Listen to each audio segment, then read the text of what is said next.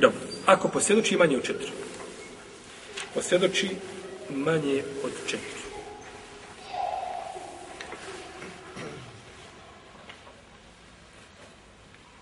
Trojica došla i vidjela čin nemoral. I svjedoče. Nema četvrtog. Četvrti se usput predomislio, vratio se. Neće da svjedoči. Nisam ništa vidio, nisam siguran, nisam lijevo, nisam... I neće da svjedoči. Mi trojica kažu, idemo mi kod kadije. I posvjedočili pred kadijom njih trojica. Kaže, gdje vam je četvrti? Kažu, nije on nešto, nije baš sasvim siguran. Ili ne želi on potvrditi to ovaj, da je vidio šta ćemo s ova tri svjedoka. Hoćemo li ih bičevati? Hoće li ih je bičevati?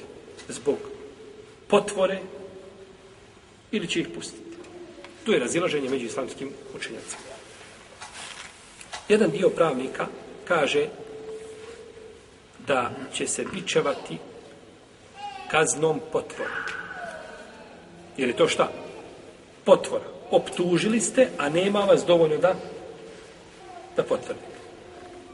I to je stav većine islamskih učenjaka. I ovo dokazuju hadisom Ebu Osmana, kaže da su Ebu Bekra i još dva prijatelja posvjedočila protiv Mugire, a, pa kad je došao Zijad, Omer ga je upitao,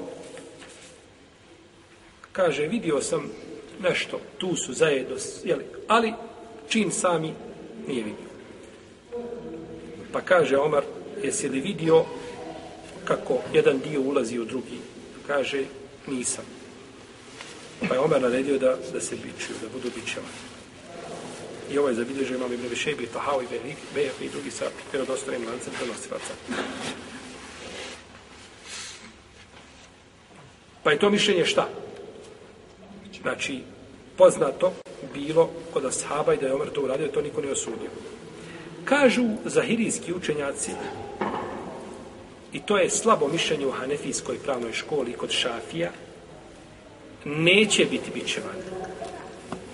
Jer oni su a, došli s ciljem da posvjedoče, a nisu ciljem potvore.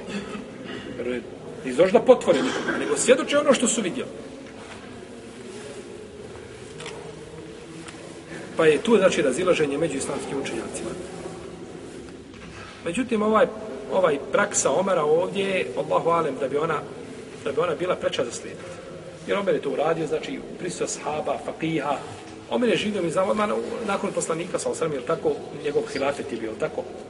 Ebu Bekr je bio tu sa dvije i pol godine hilafeta, je to razdvojio, i znači tu su, naj, najveći ashabi su tu živjeli.